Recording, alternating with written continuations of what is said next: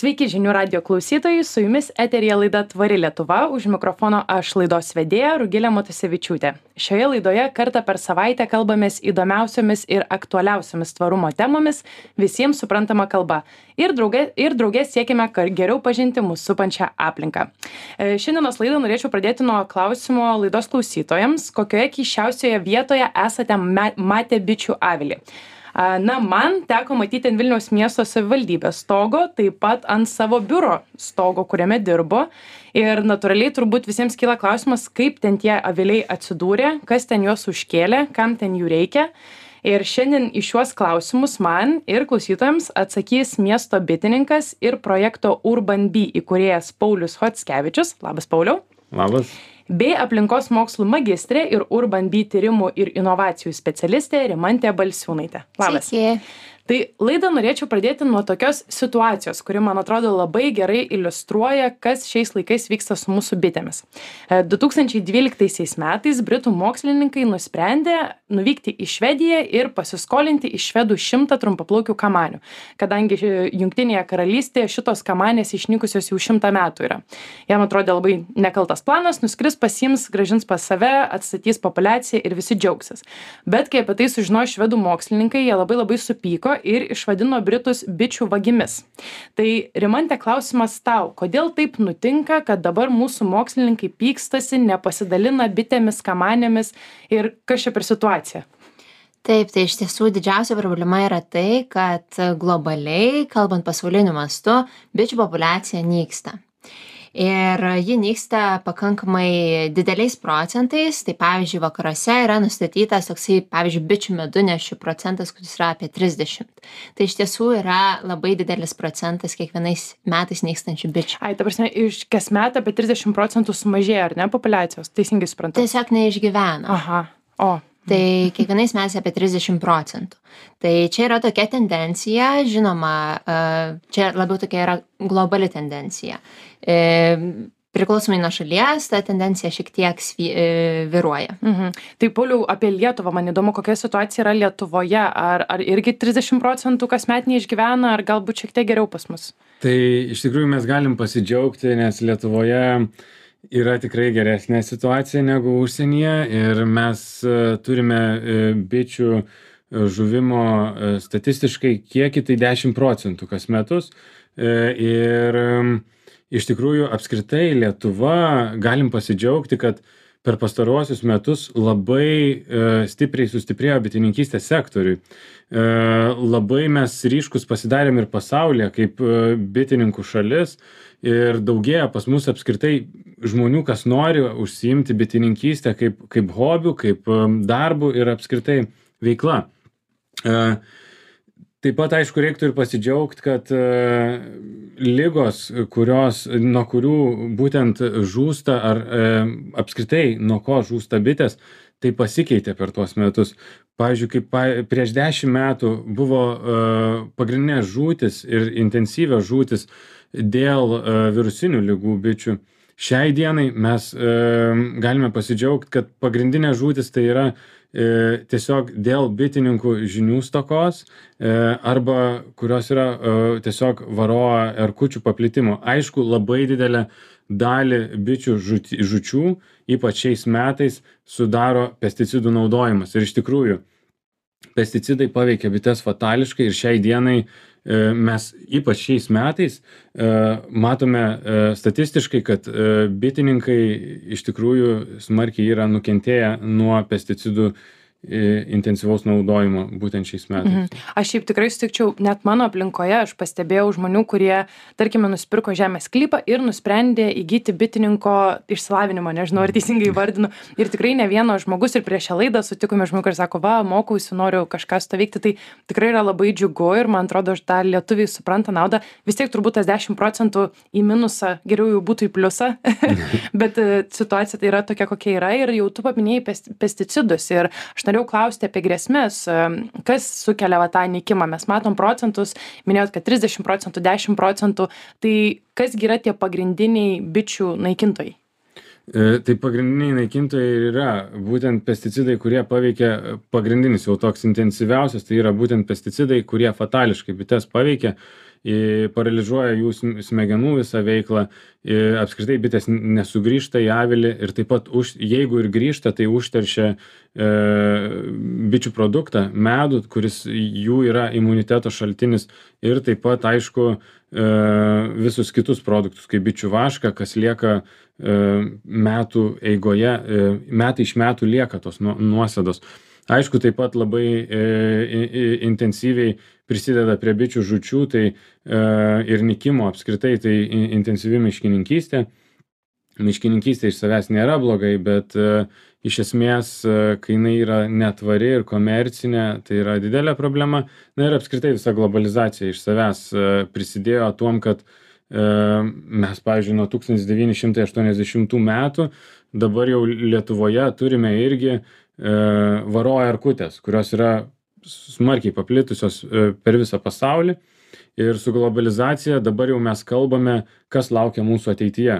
Tai vakarų šalis jau kenčia nuo tam tikrų e, kitų globalizacijos padarinių, kaip e, Azijos e, vapsva arba e, Amerikoje yra mažasis avilio vabalas paplitęs. Tai nuo būtent kol kas mūsų oro sąlygos neleidžia atsirasti šitiems e, padariniams bet su klimato kaita mes nežinom kas mūsų laukia po dešim metų aha čia man atrodo ta tendencija kurią aš jau pastebiu kad kuo labiau bitės nyks tuo labiau bitės nyks ta prasme kad kuo labiau šita na e, situacija greitės ir problema augs tuo daugiau tų bičių išnyks tuo mažiau na atsiras ir tų žiedų kurios bus apdulkinti ir ir apskritai problema tiktai opės man iškilo klausimas a paminėjai apie medų ir pesticidus. Ar galima teigti kad bitės na į avilį grįžusios turinčios na pesticidų ant savo plaukelių ir panašiai gali ir meduje kažkokio liekanų tų pesticidų turėti vėliau Na, Tikrai palikti. taip, tai tiek per, per, kaip sakote, per pačias žiedadulkes, mhm. e, kurios ant plaukelių yra bitės, bet taip pat per patį e, medų, per, per, per patį nektarą, kurį parneša į avilį. Aha. Tai nektarą paima iš augalo ir, ir, ir taip gali parnešti į patį avilį. Ir tada grįžta pas tą patį, kuris ten tą pesticidą ir papurškė, tai žmogų. Rimante, man įdomu yra, na, vat mes kalbam, kad bitės išnyks ir dar, gali, tikiuosi, neišnyks, ne, tiem, uh, gali būti, kad bitės išnyks. Uh, ir tada yra pasakymas, kad jeigu bitės išnyks, tai ir žmonija išnyks. Kartais sako, kad ketverių metų tam prireiks, kiti dar drastiškesnius scenarius piešia. Tai um, koksgi būtų tas scenarius, jeigu vieną dieną mes atsikeliam ir miršta paskutinė bitė? Taip tai iš tikrųjų keturi metai buvo prognozė mažiau negu keturi metai buvo prognozė garsau garsiojo mokslininko einšteino alberto einšteino. Ir e, na mes galbūt žiūrim ir dar pesimistiškiau kad galbūt net ir tiek neišgyventų žmonija. Ir tai yra dėl labai paprastų būdų. Tiesiog netektume daugybės maisto šaltinių ir tiesiog neturėtume ko maitintis. Netektume resursų realiai. Tai netekus bičių tikrai situacija labai stipriai pasikeistų ir būtent į blogą. Mhm. Tai paprasčiausiai nebūtų kas, žodžiu, apdulkina mūsų žiedus, nebūtų derliaus, neliktų maisto, tai maždaug per tos ketverius metus tas visas ciklas ir užsidarytų. Labai svarbu paminėti, kad yra ir kitų apdulkintojų. Tiesiog mhm. bitės jos yra vieni iš pagrindinių tai. tokių apdulkintojų, bet, na, ta visa sistema, jinai šiek tiek tikrai sugriūtų ir uh, bitės yra ne vien tik kad apdulkintojos bet ir maistas kitiem ekosistemos grandinės e, dalyviams. Tai realiai jie irgi netektų maisto tai viskas realiai griūtų. Na toks tas drugelio efektas tai bitės efektas vadinamasis. Tiems kurie neseniai įsijungė radiją primenu kad eteryje šiuo metu girdite laidą tvari lietuva. Ir šiandien laidoje kalbuosi apie bičių populiacijos nykimą ir miesto bitininkystę su projekto urban bee atstovais pauliumi ir rimante. E, norėčiau pratęsti mūsų pokalbį vėl tokia situacija kurią teko skaityti internete Harvardo, Harvardo universiteto mokslininkai e, jau kuris laikas bando sukurti bites robotės arba, kaip mes juokaudami sakom, robitės. ir jiems jau neblogai sekasi, galima net, netgi rasti internete tokių vizualių, keistų, robotiškų bičių. E, netgi, kiek žinau, serialas Black Mirror buvo šitą simboliką pasiemęs ir, ir rodė, kaip, kaip baisiai atrodytų, jeigu pasaulį žvaldytų robotės, bitės. Bet vis dėlto tas tyrimas harvardo universiteto priimamas ganėtinai kritiškai kadangi e, na pirma tomis bitėmis ne tik norima apdulkinti bet ir stebėti visuomenę tai na natūraliai ir tas e, žmogaus privatumo klausimas bet ir dėl to kad sakoma kad derlius na neįmanoma viso žmonijos derliaus apdulkinti ir prižiūrėti robotėmis bitėmis tai greičiausiai tiktai kažkokiai e, mažai žmonijos daliai pasisektų turėti tokią privilegiją jeigu taip nutiktų ir na jeigu kažkiek derliaus ir išgelbėtume tai tikrai ne tiek kad išmaitinti na galbūt jau dešimt milijardų žmonių ateityje. Tai man įdomu rimante kaip pasaulis vat ruošias čia yra vienas iš pavyzdžių kaip mes ruošiamės tam galimam bičių išnykimui a bet žinau kad yra ir kitų variantų ir na tikrai mes į šitą situaciją žiūrim rimtai ir niekas nejuokauja ir nesėdi kaip suprantu rankų sudėjęs ir laukia tos dienos kad taip gali nutikti.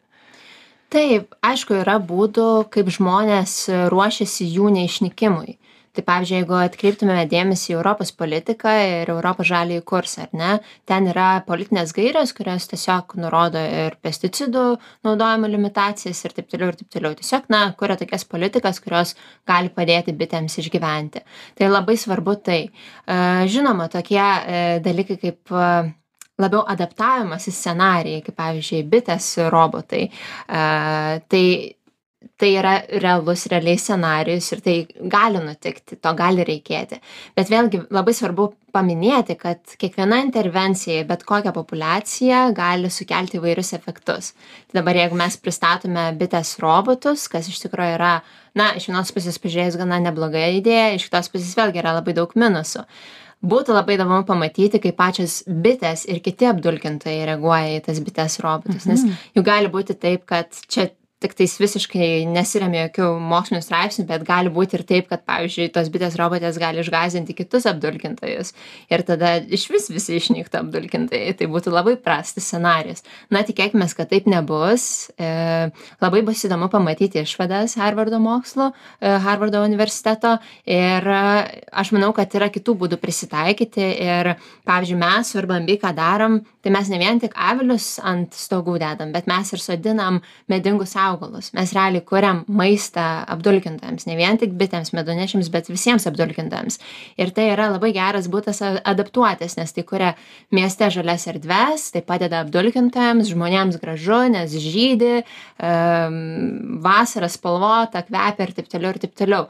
Tai man atrodo kad čia toksai galbūt ne toks intervencinis būdas į gamtą kaip galima iš tikro adaptuotis tiesiog kurti žalias erdves. Mhm. paminėjai urban bee ir aš netrukus labai norėsiu sufokusuoti ką jūs darot bet dar šiek tiek grįžtant paminėjai ir europos komisiją ir kad mes turime tą europos žaliąjį kursą ir žinau kad tau pačiai na šiek tiek teko prisiliesti ir pamatyti iš arti kaip ten tie procesai vyksta. Tai visai įdomu kas vat atkeliauja į lietuvą kaip tas europos žaliasis kursas bičių klausimais ar yra kažkokie reglamentai ar yra galbūt kažkaip padedama tiems ūkininkams. Na kokios yra dabar vykstančios tos tokios realios e, motyvacijos na kad padėti tas bites atstatyti galbūt teko susidurti taip tai pirmiausia labai svarbu paminėti kad europos žaliasis kursas yra ganėtinai naujas politinis rinkinys toks politinių gairių rinkinys.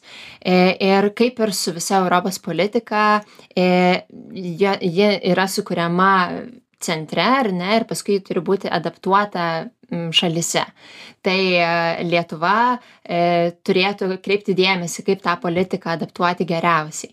E, kalbant apskritai apie žaliojo kurso politiką yra išleisti reglamentai tiek ir pesticidų naudojimui yra remiami ekologiniai ūkiai bet norėtųsi kad tai būtų daroma stipriau. Ir kad galbūt labiausiai norėtųsi kad būtų kuo didesnis fokusas skiriamas apdulkintojams kaip būtent juos išsaugoti. Aha šiaip įdomu prisiminiau reičel karson knygą silent spring tylasis pavasaris kuri išleista jau prieš berods dvidešimto amžiaus pabaigoje ir jos esmė ir yra kad naudodami pesticidus ir trąšas mes tiesiog vieną dieną turėsim tylų pavasarį be vabzdžių ir be paukščių.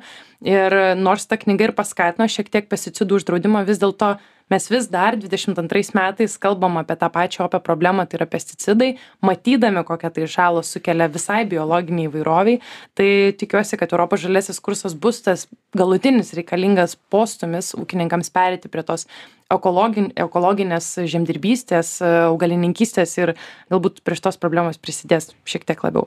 Apie urban bee pakalbėkim. Ką jūs veikiat ką jūs darot? Labai įdomu ir labai džiaugiuosi pauliau. Tu kiek žinau pirmasis čia prie urban bee prisijungei sukūrei e, šitą šitą nuostabų projektą. Tai galbūt gali papasakoti tai kaip jūs čia savo rankomis jau tą problemą sprendžiat ir nesižvalgot toli į europos žaliąjį kursą? Iš tikrųjų tai e, geras klausimas e, bet mes ir mes ir kartu einame su žaliuoju kursu iš tikrųjų mhm. ir dalyvavom e, Briuselėje irgi atstovavom e, miesto bitininkystės idėją visą. E, tai apie tai kalbam ir iš tikrųjų su žaliuoju kursu labai einam iš vien. Um, ir aš tikiuosi irgi, kad žalesis kursas pavyks. O vat, būtent apie Urban BLT veiklą, tai, tai ir yra. Mes per savo veiklą mes norime kiek įmanoma daugiau šviesti visuomenę šviesti visuomenę apie bičių svarbą apie bičių problemas kokios yra apskritai apie visą bitininkystę ir griauti mitus kurie egzistuoja e, apie bitininkystę bendrai. Tai mūsų veikla pagrinde tai yra mes įkurdiname e, bites ant įmonių verslų organizacijų pastatų stogų dirbame tiek su viešais, tiek pri, e, privačiais e, verslais, organizacijom ir suteikiame pilną bitininkystės paslaugą iš esmės. Tai ir tai padeda e, organizacijom išpildyti ir sekti savo tvarumo strategiją, prisidėti prie e, mūsų žalesnių miestų, prie ekosistemos gerinimo e, ir apskritai įtraukti bendruomenę į e, į bendrą tikslą. E, bitės labai puikiai sujungia iš tikrųjų darbo kolektyvus, e, visi turi apie ką pakalbėti, visi ten dalinasi įspūdžiais, kaip prie avilio buvo. Tai iš tikrųjų labai tokia e, subūrinti veikla yra tai, ką mes darome ir aš džiaugiuosi tuo. Ir tai atsirado būtent iš to, kad aš pats visada labai turėjau tą norą kažką padaryti, efektą kažkokį irgi teigiamą ir e, tuo pačiu aš degiau aistra bitėm bitininkyste ir aš norėjau kad mano veikla kažkaip būtų susieta su tuo kad aš galėčiau žmonėm dalintis. Ir štai mes čia sėdime ir mes dalinamės iš tikrųjų. Tai aš tuo džiaugiuosi.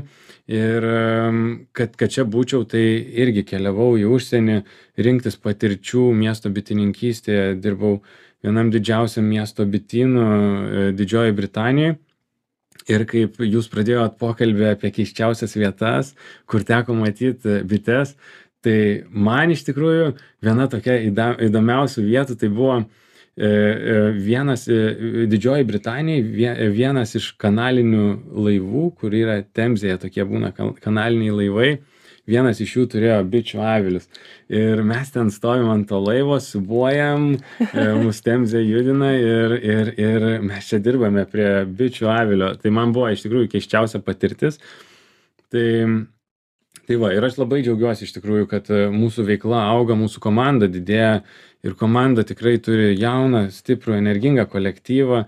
Mes visi degame tą temą ir mes dalinamės uh, kiek išeina. Tai iš tikrųjų kviečiame jungtis prie miesto bitininkystės idėjos ir ir ir um, bičiuliaut kartu. O kaip gražu bičiuliauti labai fainai. Man e, įdomu vat kalbėjom jau apie tuos stogus apie stogus turbūt klausytojams ir kilo klausimas tai kodėl ant tų stogų kam reikia? Taigi galima kažkur parke kažkur ant žemės man atrodo aš pabandysiu taip paspekuliuoti kad e, visų pirma stogai yra labai neišnaudotos erdvės ir aš pati dažnai vaikščiodama mhm. mieste žiūriu į pastatų stogus ir galvoju koks vertingas nekilnojamas turtas visiškai neturintis vertės niekam jo nereikia tai galėtų būti ir bendruomenių daržai ir miestų sodai ir na žaliosios erdvės kurios ir tas karščio zonas naikintų vis dėlto e, lietuvoje tikrai dar nėra bet jau turim tos avilius tai gal galit šiek tiek papasakoti galbūt rimante vat kodėl kodėl ant stogų kodėl kažkokiose netradicinėse vietose ir ir galbūt šitai net ir padeda daugiau žmonių sudominti kažkoks toks kampas įdomesnis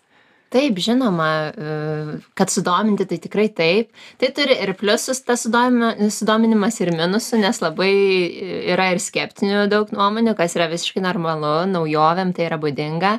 Bet stogai iš tikrųjų miestuose yra uh, puiki vieta bitėms.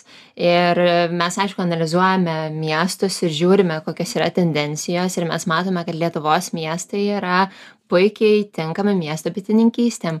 Ant stogų dėl to kad na natūraliai bitės iš tikrųjų gyvendavo aukštai aviliuos e, aukštai medžiuose drevėse ar Mhm. ne tai joms skristi aukštai yra na toks kaip ir natūralus dalykas O, pauliau tu kaip bitininkas gal turėsi kažką ir pridėti Tai labai viską teisingai Rimantė iš tikrųjų pakomentavo ir e, reiktų vat, pasižiūrėti vat, tą biologiškai, kaip originaliai bitė gyvena. Tai bitininkai dėl patogumo nukėlė e, bites ant žemės.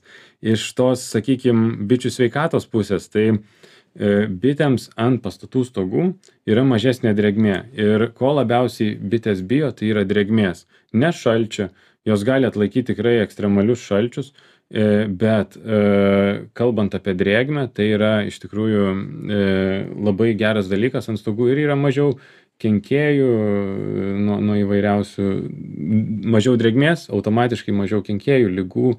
Ir e, mes iš savo praktikos matom, kad e, e, iš tikrųjų bičių šeimos gyvybingos ir jos pačios yra iš tikrųjų indikatoriai visos ekosistemos ir jos mum pasako, ar joms gerai ar ne. E, Jeigu būtų miesto teritorijos bitėms e, negeros ar netinkamos gyvent, mes labai greit pamatytume tuos rezultatus iš tikrųjų. Ir, em, ir iš tikrųjų labai greit pasimatytų visi rezultatai. tiesiog būtų ligos jos Mhm. sirgtų dabar pavyzdžiui mes matome savo bites kad jos yra sveikos bitės oi, čia kurios net sveikesnės negu kažkur laikant sodyboj tai Yra, yra labai daug e, tų pačių stresinių lygų, kurios e, atsiranda dėl streso. Yra labai daug lygų, kurios yra dėl silpno imuniteto. Tai pavyzdžiui, kai mes kalbam, kalbėjom prieš tai apie tas opes problemos, kurios yra, tai yra pesticidai, monokultūrų laukai, e, intensyvūs didžiuliai. Ir va tose vietose, sakykime, tada e, bitė kenčia dėl per mažo imuniteto, nes jos negauna įvairialypio nektaro. Miestuose mes galim pasidžiaugti, iš tikrųjų, e, gauna įvairialypį ir nektarą nuo pat ankstyvo pavasario iki vėlyvo rudens. Mes galim ir pasidžiaugti to pačiu į, įvairių nektarų, liepų, lipčiaus. jo. Kaip įdomu, iš tiesų turbūt mažai kas pasakytų, kad bitėjai kartais net geriau mieste negu kažkur nupurkštuose laukose. Tas tikrai labai įdomu. E, Pabaigai, man atrodo, klausytojams yra įdomu išgirsti, ką mes kiekvienas galim padaryti, kad išgirdom bitučių gailą, nors kartais jos ir erzina, kaip aplinkui tas sulčių stiklinė skraido, bet e, turbūt visi bitę gražiai pamojam, o ne kaip nors ten sutraiškom, nes tą meilę bitėms tikrai lietuviai jaučia. Tai galbūt rimantė gali pasidalinti, ką kiekvienas iš mūsų, kiekvieną dieną galime mažai žingsneliais padaryti, kad e, ir jums mažiau darbo būtų, ir bičių daugiau būtų.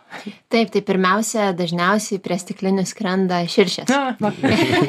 tai aš pati to labai nustebau nes aš irgi dažnai maišydavau bet kai pradėjau dirbti kartu su urban bee lt aš pamačiau kad ten širšė ne bitė Pasirodo, va. Taip. Išgirdo čia šitoje laidoje. tai bitės geros Taip, taip. bitės reikia saugoti A, aš manau kad geriausias būdas yra kurti jom žalius plotus tai pavyzdžiui labai graži veikla tiek įmonėm tiek organizacijom tiek draugam eiti ir pasodinti medingus augalus jos yra labai naudingos ne vien tik bitėm bet ir apdulkintojam kitiems e, taip pat kai būna karštos dienos kažkur padėti tarkim kažkokio vandens e, e, nežinau ne puodelį bet kokį sėklų indelį su akmenukais viduje kad jos nenuskęstų.